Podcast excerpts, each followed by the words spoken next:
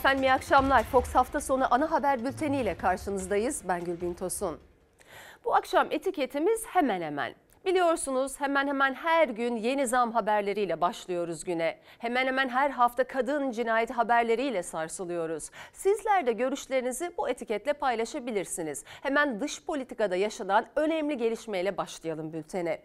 Türkiye Suriye'nin kuzeyinde yeni bir askeri operasyona hazırlanıyor. Cumhurbaşkanı Erdoğan'ın operasyon mesajına Washington ve Moskova tepkisiz kalmadı. Rus Dışişleri Bakanı Lavrov çarpıcı açıklamalar yaptı.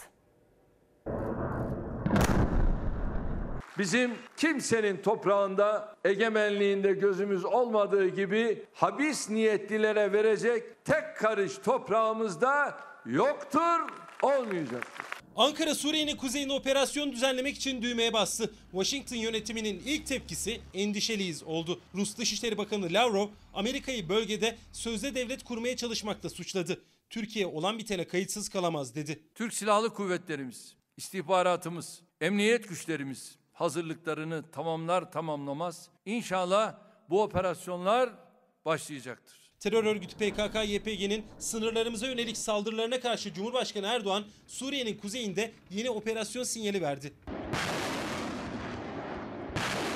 Türkiye'nin kararlılığı Amerika Birleşik Devletleri'nde anında yankı buldu. Pentagon sözcüsü Kirby, operasyonların sivillerin güvenliğine ve IŞİD'le mücadeleye olumsuz etkisi olacağını savundu. Sözcü, çok endişeliyiz diyerek olası operasyonlardan duyulan rahatsızlığı dile getirdi. Suriye'de kontrol elinde bulunduran güçlerden Rusya ise Ankara'ya destek çıktı. Türk Silahlı Kuvvetleri'nin hazırlıklarını sürdürdüğü sırada Rus Dışişleri Bakanı sürpriz bir çıkış yaptı. Lavrov, Amerika'nın bölgedeki faaliyetlerinin Iraklı ve Suriyeli Kürtleri birleştiren yapıda sorunlara yol açtığını vurguladı. Türkiye bunlara kayıtsız kalamaz dedi. Dışişleri Bakanı Sergey Lavrov, Rusya'nın Suriye'nin toprak bütünlüğünü sağlama çabalarına dikkat çekti. Amerika askerlerinin Fırat Nehri'nin doğusunun büyük bölümünü işgal ettiğini savundu. Orada sözde devlet kurmaya çalışıyorlar.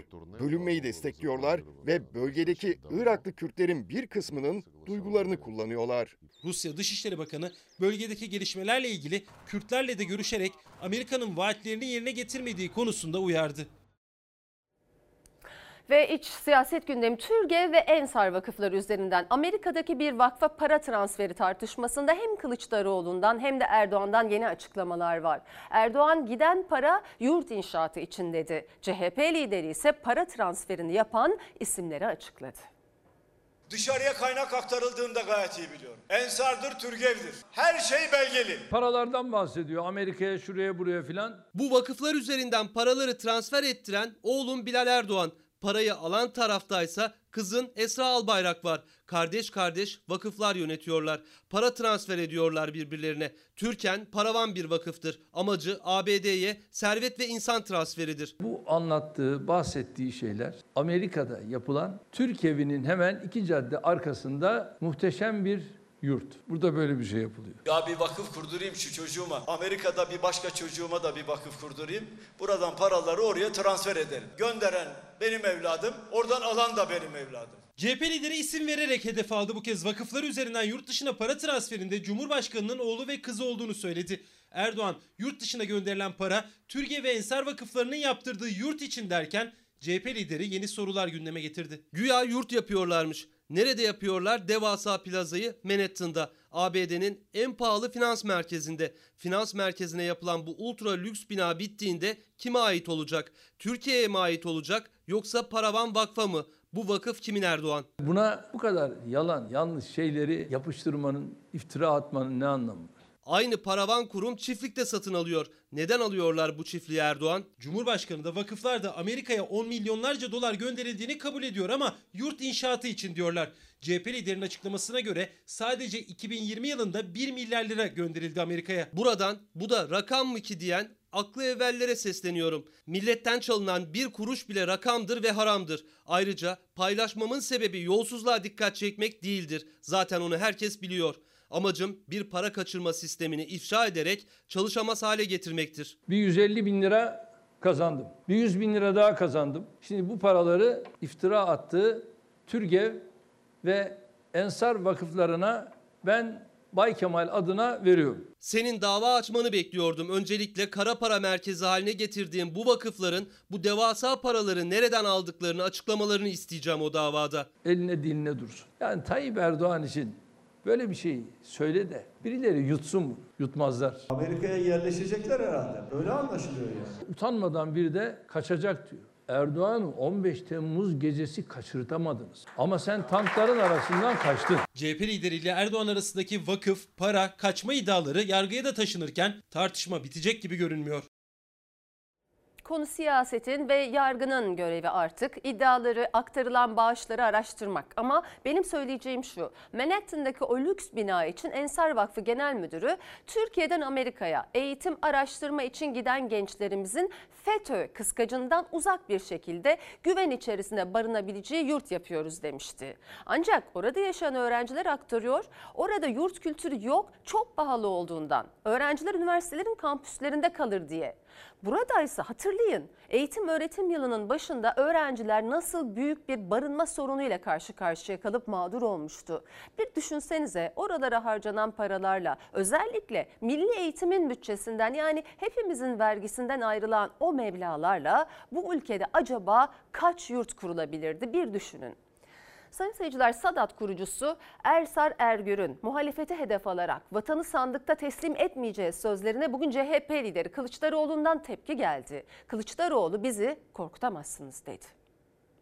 Öyle kalkıp tehditle, şantajla, sandıktan çıksa da biz sizi iktidar yapmayız. Bu vatanı Türkiye düşmanlarıyla işbirliği yapanlara sandıkla teslim etmeyiz, etmeyeceğiz. Senin boyunu görmek isterim ben. Senin bosunu görmek isterim ben. Sizin feriştahınız gelse bizi korkutamaz. CHP lideri paramiliter kuruluş terörist yetiştiriyor diyerek kapısına gitti Sadat'ın. Seçimi gölgeleyecek çalışma içinde olduklarını söyledi. Sadat'ın kurucularından Ersan Ergür'ün paylaşımı tartışmayı bir adım ileri taşıdı.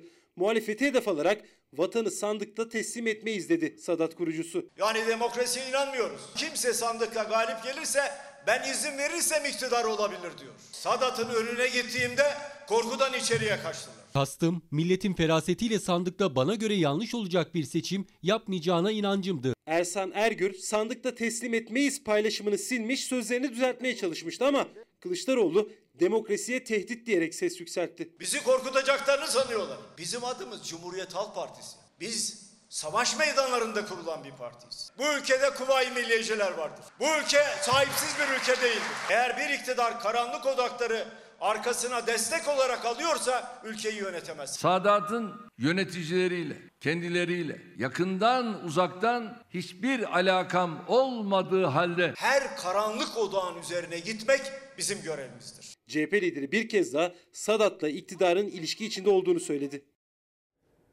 Altı muhalefet lideri yarın Gelecek Partisi'nin ev sahipliğinde bir kez daha bir araya gelecek. O buluşma öncesi liderler Türkiye'nin masası başlığıyla ortak bir klip yayınladı. CHP'nin Van'da düzenlediği belediye çalıştayındaysa isimleri olası Cumhurbaşkanı adaylığı için konuşulan Mansur Yavaş ve Ekrem İmamoğlu'na vatandaşların yoğun ilgisi vardı. İktidarımızda, millet iktidarının iktidarında Söz veriyorum Türkiye'nin kaderini değiştireceğiz. Her grubun huzur içinde yaşadığı bir Türkiye'yi inşa edeceğiz. yok altılı masaymış, yok yedili masaymış. Ya ne yaparsanız yapın. Bu masa hepimizin masası olacak. Bu masada çözeceğiz ne sorun varsa. Güzel günlerde de, dertte ve tasada da. Cumhurbaşkanı Erdoğan muhalefete hedef alırken 6 lider de Gelecek Partisi Genel Başkanı Davutoğlu'nun ev sahipliğinde gerçekleşecek buluşma öncesi Altılı Masa Türkiye'nin masası klibi paylaştı. Değecek mi girdiğin zahmete?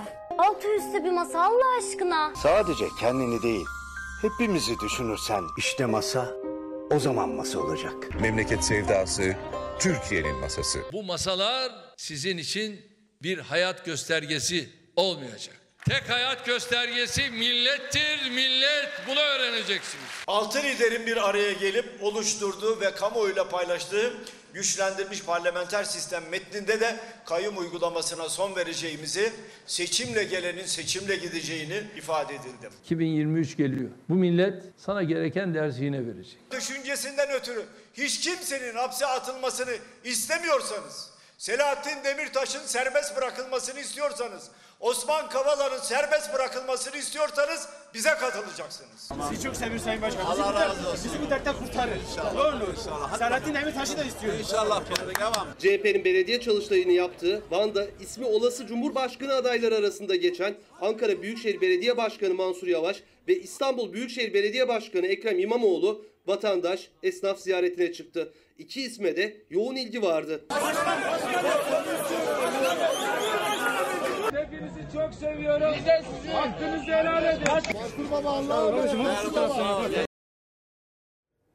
Valilikler ve bazı AK Partili belediyeler son bir ay içerisinde şehirlerdeki birçok festival ve konserle ilgili yasak kararı aldı. Ama bu kararlar yaşam tarzına müdahale tartışmalarına yol açtı. O yasaklardan biri de Eskişehir'deydi. Anadolu Fest Müzik Festivali öncesi valilik kentte 15 günlük etkinlik yasağı kararı almıştı. O kararın süresi bitti ama festival yine yapılamıyor. Hep sen ol yanımda.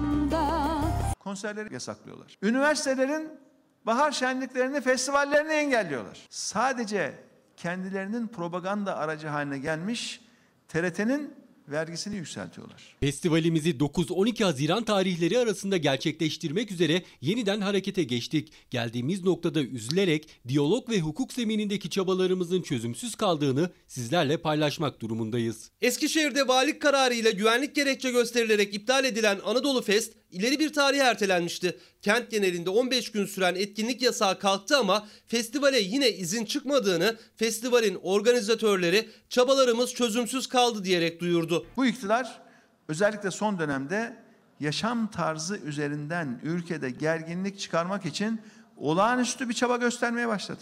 Ülkedeki kutuplaşma sona ermesin diye ellerinden geleni yapıyorlar. Eskişehir'de her yıl düzenleniyor pek çok sanatçının konser verdiği Anadolu Fest. Bu sene bazı dernek ve vakıflar festivalin iptali yönünde çağrı yaptı. Eskişehir Valiliği de festivalin başlamasına 3 gün kala kamu güvenliği gerekçesiyle şehirde 15 günlük etkinlik yasağı kararı aldı. Festival o yasağa takıldı. Karara yaşam tarzına müdahale tepkileri sürerken organizatörler yasak kalktıktan sonra da festivale izin verilmediğini açıkladı. organizatörlerinin kendi üzerlerine düşen e, yükümlülükleri yerine getirmedikleri için bu e, konserlerin iptal edildiği söyleniyor. Eskişehir'de Anadolu Fest'i düzenlemek için gerekli tüm resmi süreçleri tamamlamıştık. Numan Kurtulmuş konser iptallerinin nedenini organizatörlerin eksikliği olarak açıklamıştı. Ama Anadolu Fest organizatörleri tüm yükümlülükleri yerine getirmelerine rağmen festivalin düzenlenmesine izin verilmediğini açıkladılar. Ben bu ülkenin kadınıyım. Fikirlerimle, vizyonumla, hayallerimle her yeni gün geleceğe sanatımı işliyorum. Birkaç kendini bilmeze kalmadı benim ahlakımı sorgulamak, kadınlık onuruma laf atmak. Yine bazı dernek ve vakıfların çağrısı sonrası Isparta Belediyesi tarafından konseri iptal edilen Melek Mosso'nun yerine ise Seda Sayan konser verecek. Şimdi belediye önce anket yapmış, Melek Mosso'yu seçmiş ankete katılanlar. Anadolu Gençlik Derneği ve Milli Gençlik Vakfı ise ahlaki olmayan etkinlik demiş, iptal ettirmiş. Kime göre ahlaki, kime neye göre ahlaksızlık? Eskişehir Festivali de kamu güvenliği gerekçesiyle 15 günlük şehirde etkinlik yasağı kararı verilerek yaptırılmamıştı. İşte şimdi gerekçenin o olmadığı biliniyordu da kanıtlanmış oldu. Yani kimse belli bir kesim gibi düşünmüyorsa eğlenemez. Belli saatten sonra müzik dinleyemez. İstediği gibi giyinemez. Fikrini beyan edemez. Hatta hatırlayın daha önce de kızlı erkekli evler var olmaz öyle şey denmişti. Öğrencilerin okumak için gittiği illerde tuttuğu evler için. Bu durum çok ciddi ve tehlikeli. Yakanızı şu gençlerin, kadınların, sanatçıların üzerinden çekin artık. Bu kadar net ve açık. Sayın seyirciler Atatürk Havalimanı'na millet bahçesi yapımı için ilk fidanlar pazar günü İstanbul'un fethinin 569. yıl dönümü kutlamalarında dikilecek. Yani yarın İstanbul Büyükşehir Belediye Başkanı Ekrem İmamoğlu fethin bununla ne ilgisi var diye sordu. Fatih Sultan Mehmet yaşasa gülerdi dedi.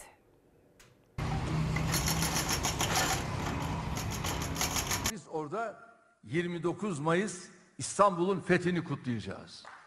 Ve o gün de ağacı dikeceğiz ve bahçenin temelini de inşallah atacağız. Allah aşkına bunun fethiyle ne alakası var? Fatih Sultan Mehmet bugün yaşasa 21. yüzyılda bu yapılanları üzülerek e, izler ve onlara gülerdi. Atatürk Havalimanı'na Millet Bahçesi projesi için ilk fidan dikimine bir gün kala hazırlıklar hız kesmedi. Cumhurbaşkanı Erdoğan İstanbul'un fethini orada kutlayacağız demişti. Ekrem İmamoğlu'ndan Fatih Sultan Mehmet yaşasa gülerdi çıkışı geldi. Biz ama e, fethin ne anlama geldiğini, 21. yüzyılda bu milletin nereye doğru yürümesi gerektiğini, nasıl bir akılla e, dünyada en iyi e, noktaya gelebileceğini e, biliyoruz. Biz Fatih Sultan Mehmet'ten böyle bir mesaj alıyoruz. Bir ihtimal pistleri belki de kaldırmayacağız. Pistler belki de kalacak. Kuzey-güney yönündeki pistte biz bir millet bahçesi yapıyoruz. Doğu-batı yönündeki pist kalıyor.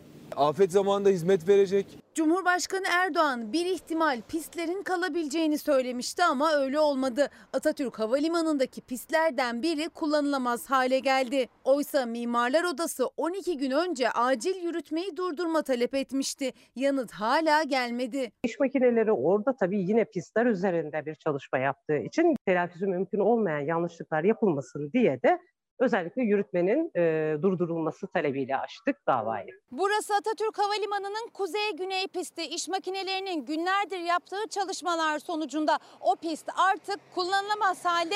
Çünkü pistin tam ortasında dev bir yarık var artık. Ve bu manzaranın hemen yanı başında da 29 Mayıs'ta yapılacak etkinliğin hazırlıkları sürüyor. Burada yürüyüş yollarında vatandaşlarımız huzur içerisinde, şu içerisinde mutlulukla vakit geçirecek. Havalimanının Millet Bahçesi'ne dönüşümü için ilk fidanlarında dikileceği etkinliğin hemen öncesinde Atatürk Havalimanı'nın belli noktalarındaki uçaklar da dağıtıldı. Cumhurbaşkanı Erdoğan'ın da Atatürk Havalimanı'nda bulunan filosu farklı havalimanlarına dağıtıldı. İstanbul Havalimanı açılsa da Cumhurbaşkanı ve bakanlar Atatürk Havalimanı'nı kullanmayı sürdürüyordu. Kutlama öncesi uçaklar dağıtılınca Cumhurbaşkanı Erdoğan Azerbaycan seyahatine yine İstanbul Havalimanı Havalimanı'ndan değil Sabiha Gökçen Havalimanı'ndan gitmeyi tercih etti. İstanbul Büyükşehir Belediye Başkanı Ekrem İmamoğlu ise Atatürk Havalimanı'ndaki törene katılmayacak. Maltepe'deki İstanbul'un fethi kutlamalarına katılacak. Türkiye'nin gerçek gündemini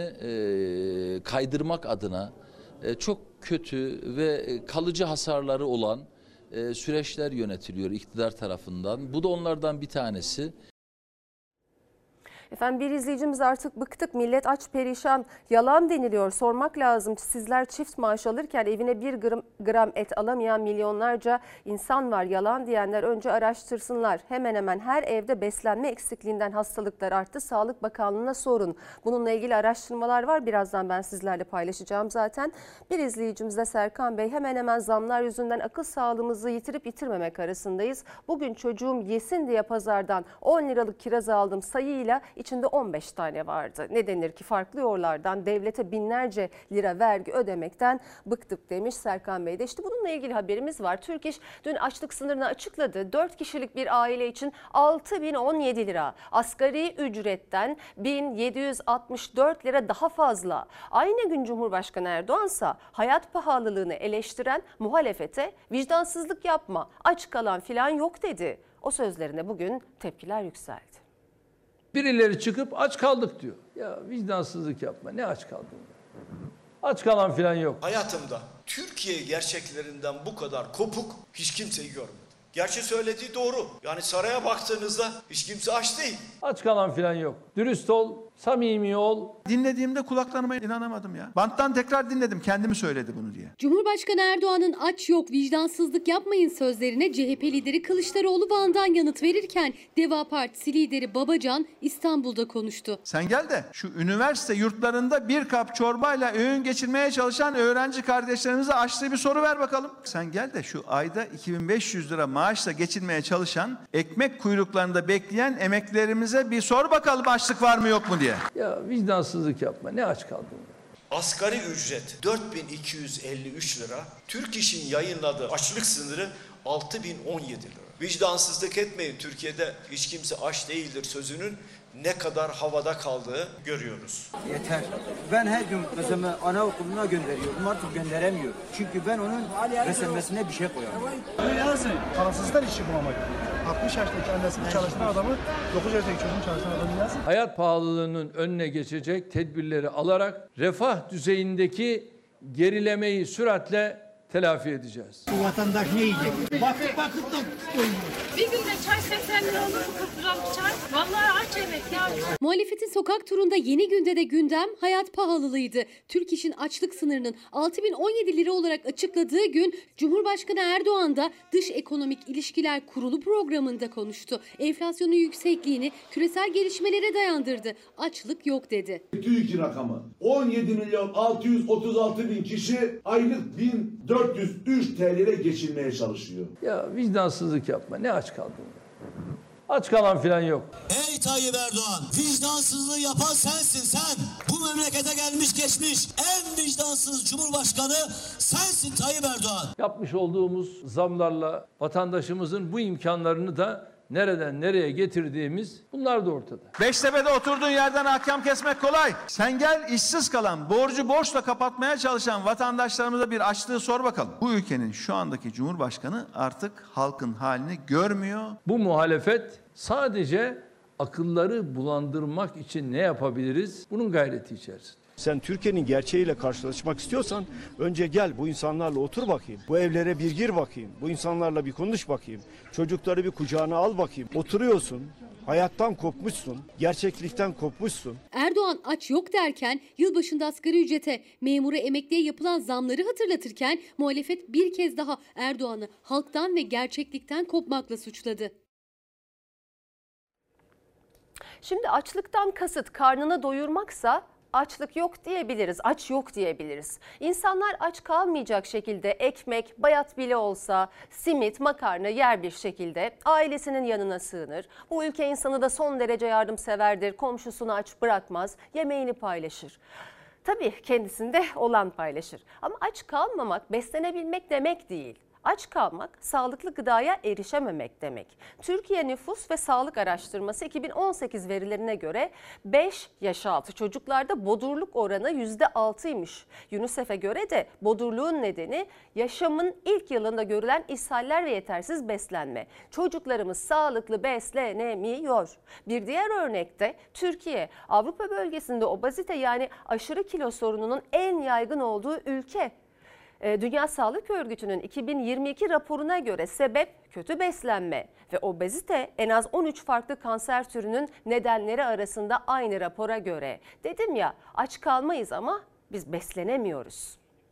Sayın seyirciler, Cumhurbaşkanı Erdoğan'ın yeni ekonomi modelini savunan cümleleri de muhalefetin gündemindeydi. Muhalefet Erdoğan'a 16 lirayı aşan doları, %70 oranındaki enflasyonu, akaryakıttan gıdaya her üründeki zamları hatırlattı.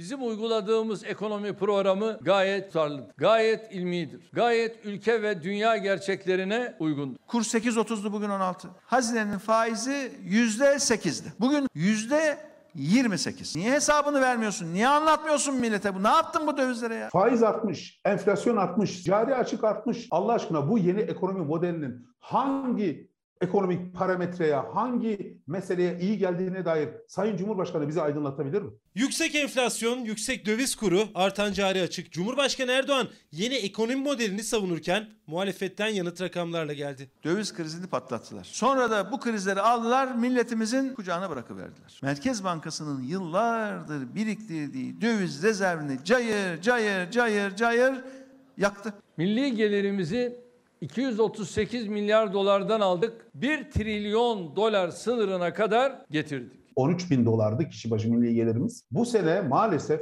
kurdaki trende baktığımız zaman biz kişi başına milli gelirin 7 binli dolarlara doğru düşeceğini e, öngörüyoruz. Ya ülkemizi küresel finans sisteminin anaforuna kurban edip istihdamı ve büyümeyi feda edecektik ya da kendi programımızla hedeflerimize doğru yürümeyi sürdürecektik. Ancak biz ikinci yolu tercih ettik. Elbette bu tercihin ağır bedelleri oldu. Kur korumalı mevduatın Türkiye'ye maliyeti 120 milyar Türk lirasını buldu. Enflasyonun yükünü milletin sırtına daha fazla yükleyen bir politika anlayışına başarılı oldu denilebilir mi? Faiz %14'e indi ama enflasyon %19'dan 70'e çıktı. Cumhurbaşkanı ise faiz düşerse enflasyon da düşer tezini savundu bir kez daha. Eleştirenlere hain mandacı dedi. Gösterge faiz enflasyon dayatmasını tek kurtuluş reçetesi gibi önümüze getirip duranların bir kısmı zır cahildir, bir kısmı ise alenen haindir. Yüksek faiz vatana ihanettir demişti değil mi?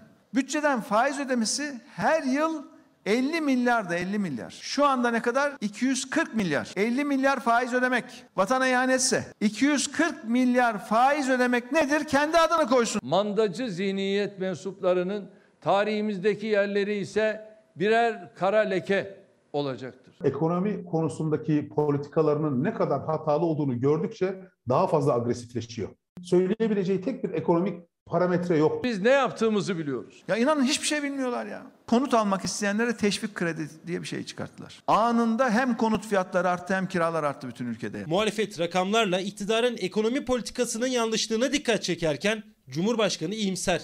Ne yaptığımızı biliyoruz diyor. Yüksek kira artışlarının önüne geçmek için bakanlıklar bir araya gelirken o heyetin başındaki isimden Çevre ve Şehircilik Bakanı Murat Kurum'dan her gelir grubuna göre kiralık ev olduğuna dair açıklama geldi. Bakan raiç bedel üzerinden bir formül verdi ancak o formüle uygun kiralık ev bulmak mümkün değil. Herkes aynı dertten muzdarip. Markette, orada, burada herkesin tek konuştuğu konu gerçekten ev yok. Kiralar çok yüksek arttı. Ev sahipleri de zaten inanılmaz arttırma yolunda. Net bir somut adım atılmadıkça ne yazık ki bu kiralık daire sorunu büyüyerek devam ediyor. Ne kadar kira ödüyorsunuz? Yaklaşık 4'e yakında 6 oldu. Benim oturduğum sitede bir artı bir şu an 5 bin lira. Düşünün 5 bin lirayı bir insan ödemesi için hangi işte çalışacak? Elektriği var, suyu var, doğalgazı var, aidatı var, mutfağı var. Özellikle büyük şehirlerde maaş seviyesini aşan kiralar en büyük sorun haline aldı. Artışın önüne geçmek için bakanlıklar toplantı yaptı. O toplantıların başındaki isimden Çevre ve Şehircilik Bakanı Murat Kurum'dansa her bütçeye uygun kiralık ev var açıklaması geldi. Bugün baktığınızda alt gelir grubuna da, orta gelir grubuna, üst gelire de hitap eden konutlarımız var. Katılmıyorum. Zeytinburnu'nda yaşıyorum. Zeytinburnu'nda bile 5 bin liradan 6 bin liradan aşağı ev yok. Kiracınıza açıklanan yıllık tüfe ortalamasının üstünde bir zam yapamazsınız.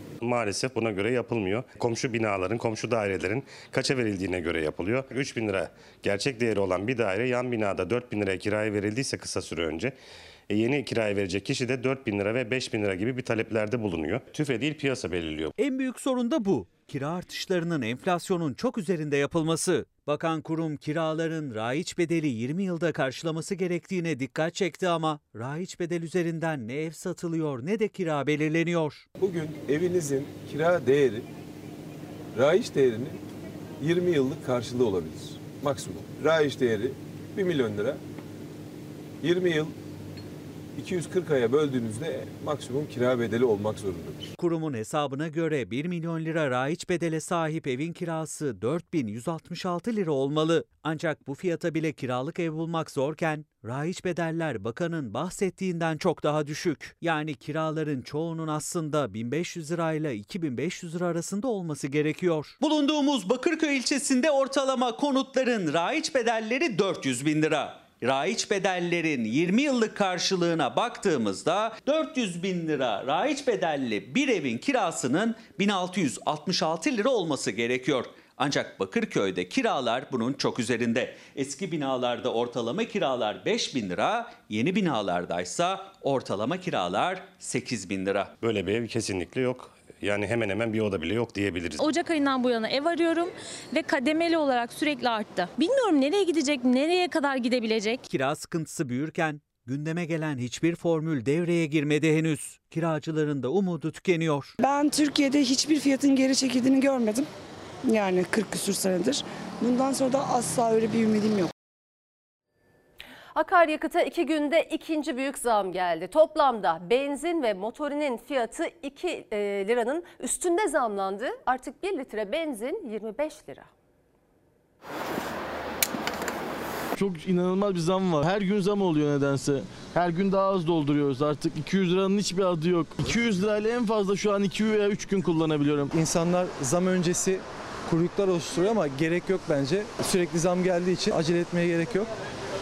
Zamlar geliyor biz alıştık. Benzine 70, motorine ise 97 kuruş daha zam geldi. Bu iki günde gelen ikinci zam. Sadece iki gecede akaryakıt fiyatları 2 liranın üstünde zamlanmış oldu. Benzinin fiyatı 25 lirayı aştı. Dün aldığım fiyatla bugün aldığım fiyat bir değil. 2-3 günde bir zam geliyor. Takip edemiyoruz. Çok değil bundan 2 gün önce yani 26 Mayıs Perşembe günü benzin litresi 22 lira 86 kuruştu. Motor ise 22 lira 8 kuruşa satılıyordu. Bugünse benzin tarihinde ilk defa 25 liranın üzerini gördü. Litresi 25 lira 1 kuruştan satılıyor. Motor ise 24 lira 45 kuruş. İki günde akaryakıta gelen zamların toplamı benzinde 2 lira 15 kuruş. Motorinde ise 2 lira 37 kuruş. Bu da iki gecede benzinli bir aracın deposunun ortalama 118 lira, dizel aracın deposununsa 130 lira pahalıya dolması demek. 50 liralık alıyorum diyorlar ya şu an 300 liralık alıyorum. 25 oldu 12 litre. Çok zor. Önceden de o. Ben 50 liralık alıyorum. Şimdi artık 50 liralık imkansız ya. Şu an en düşük 250-300. Benzinin litre fiyatı 25 lira 1 kuruşa çıkınca 50 liralık 100 liralık yakıtla idare etme şansı da kalmadı sürücülerin. Çünkü 50 liraya 2 litre benzin alınabiliyor artık. Benzinli bir aracın İstanbul'da Taksim Meydanı'ndan Atatürk Havalimanı'na gitmesine ancak yetiyor. Ankara'da ise Kızılay'dan Gölbaşı'na gidilebiliyor 50 liralık yakıtla. Her iki şehirde de dönüş için 50 liralık daha benzin alması gerekiyor sürücülerin. Demek ki artık 50 liralık alanlar bu bahaneye sığınamayacak yani. Ben hep 50 liralık alıyordum. İşte onu 300 liralığa çıkardık. 300 liralık bir yakıta neredeyse çeyrek depo gelecek. Benzinli bir aracın deposu 1375 liraya doluyor artık. Dizel aracın deposuysa 1345 liraya. Sürücülerin deposu ne kadar pahalıya dolarsa akaryakıttan alınan vergiyle devletin kasasına da o kadar çok para giriyor. Benzinde toplam vergi 6 lira 34 kuruşa, motorinde 5 lira 78 kuruşa çıktı. Maalesef vergi dairesi gibi bir yer. Ekonomi bu duruma sokunca olacağı bu. Ne olacak? Vergi zaten acayip büyük var. Kar yok. Yakıta çalışıyoruz. Yakıt zamlarından en çok etkilenenlerin başında da minibüsçüler geliyor. Sene başından bu yana %75'in üzerinde zamlandı minibüs tarifeleri. Ancak motorine gelen yıllık zam %238, benzine ise %224. En son %40 almıştık. O da eridi yani. %40 bile eridi yani. Bir senede %75 zam geldi. O bile dayanmıyor yani. Eve bile ekmek getirmekte zorlanıyoruz artık. Akaryakıta peş peşe gelen zamlar nedeniyle nakliyecilerin maliyeti yükseldi. Hatta bazıları dönüş fiyatı için bile anlaşamadı. Nakliye maliyeti yükseldikçe de tüketici pazar tezgahlarında meyve sebzenin yanına yaklaşamıyor.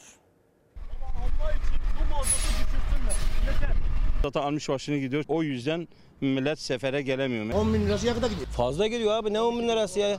700, 700 litre 750 litre mazotunu hesap etmem. Köprü 90 liraya da 190 lira olmadı mı? Siz gelirken e, mazot ne kadar? Ben gelirken 22 liraydı. Şu anda 25 lira. 700 bin lira zaten cepten gitti. O da durduğumuz halde gitti. Sadece akaryakıt. Sebzeyi İstanbul'a getirmek için yola çıktıklarında mazotun litresi 2 lira 37 kuruş daha ucuzdu. Nakliyeciler için dönüş vakti ama iki günde gelen iki zamla motorinin fiyatı 24 liraya aştı. Bir kamyonun deposu zamlardan önce 12.100 liraya doluyordu. 13.400 liraya yükseldi. Ben Antalya'dan geldim. Ne döneceksiniz? Dönüşümüz yok şu an. Zayıf. uy- uymuyor. Mazot parasını kurtarmıyor kiralarımız. 700-800 lira şu an bizim zararımız herhalde. Üretici de haklı abla.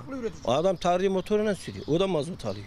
Yola gelen kamyoncu da mazot. Mazot bağlıysa her şey bağlıdır. Artan üretim maliyetiyle birlikte zam zincirinin ikinci halkası nakliye ile ekleniyor. Nakliyeciler ürünü son zam tarifesiyle getiriyor ancak aynı tarifeyle geri dönemiyor ve hesap yeniden başlıyor. Ben 14 milyara geldim. E, 22 liraydı çarşamba günü. Dönemiyoruz şu an. Verdiğimiz fiyatlar iş yok. Adam fiyat verdiğimiz fiyatlar adam karşılayamıyor. Malını gönderemiyor. Kaç gün daha duracaksınız? Vallahi bakalım ne zaman işimiz uyarsa o zaman gideceğiz bakalım hesaplarımız. Nakliyeci kamyonunu hal girişine park etti. Ürünü bıraktı. Mazota arka arkaya gelen zamlar sebebiyle geri dönemedi. Adana'dan gelişimi hesapladım. 18 bin liraya falan mal oldu. Siz gelirken mazot ne kadardı?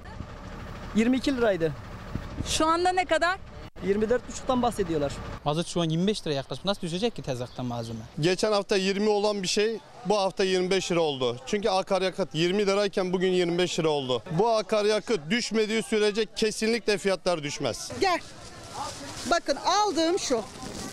Çocuğum seviyordu. 170 lira verdim. Şu bizim ülkemizin topraklarında yetişmiyor mu? Meyve ya meyve. 25 liradan aşağı bir meyve yok. Akaryakıta gelen her zamdan sonra tezgahtaki ürünün fiyatı da tetikleniyor. Mevsimi gelince bollaşır, fiyatı düşer umudu da böylece son buluyor. Yaz sebzeleri ama almış başını gidiyor. Ucuzluk diye bir şey yok. Uzaya karpuz yollayacağız. Ne diyorsun ya? Karpuz, karpuz. Çayı gönderdiler zaten.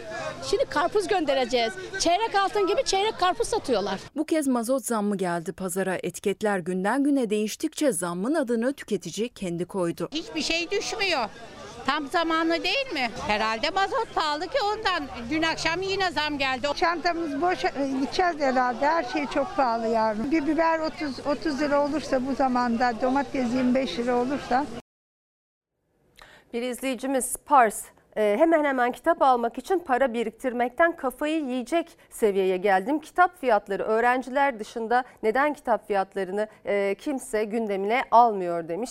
Sadece kitap fiyatları değil izleyin şimdiki haberi. KPSS KPSS ücretlerine zam geldi. Oturum ücreti 115 liraya yükseldi. Birden fazla oturuma girecek olan adaylar yüzlerce lira sınav parası ödemek zorunda. Üstelik bu sınava girenlerin neredeyse tamamı işsiz.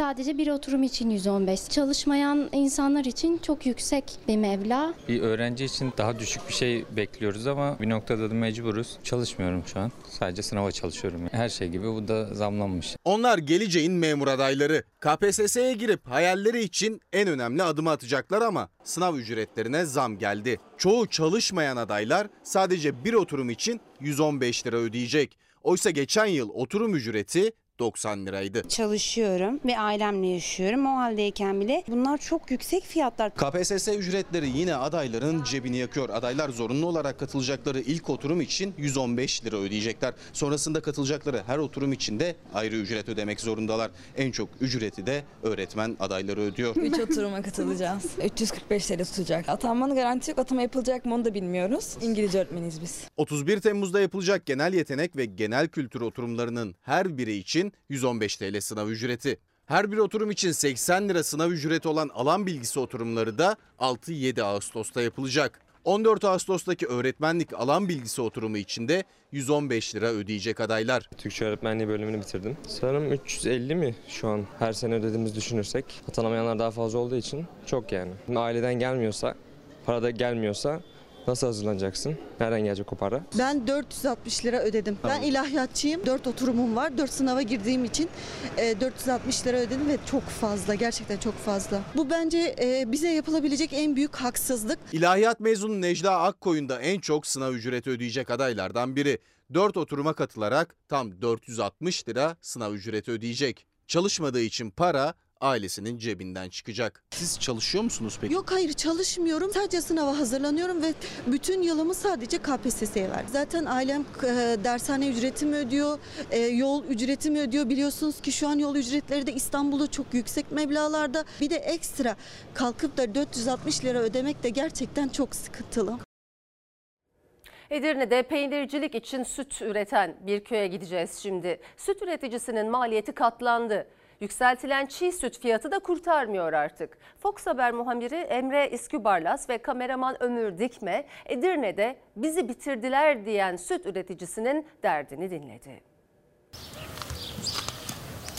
En az şu işletmeden 60-65 tane büyükbaş hayvan 2-3 gün içinde tamamını satmak zorunda kaldık. Bir hayvan yavrulayacağı zaman inanın şurada saman balyalarını koyup çok sabahladığımı biliyorum. Bizi bu duruma düşürenler utansın. Nasıl dolmasın ki? Nasıl dolmasın ki? Bu işin tarifi yok. Bizi yediler, bitirdiler. Hayvan sayılarının nasıl azaldığını, istemeye istemeye nasıl kesime gönderdiklerini gözleri dolarak anlattı. Edirne'de hayvancılık yapan Erdal Akgün. Hayvan sayısı yüzden 8'e kadar düştü. Bunun da nedeni günden gün artan maliyetler. Ürettiği 1 litre çiğ süt için belirlenen fiyat 7,5 lira ama onlar 1 litre sütü 8 liraya mal ediyor.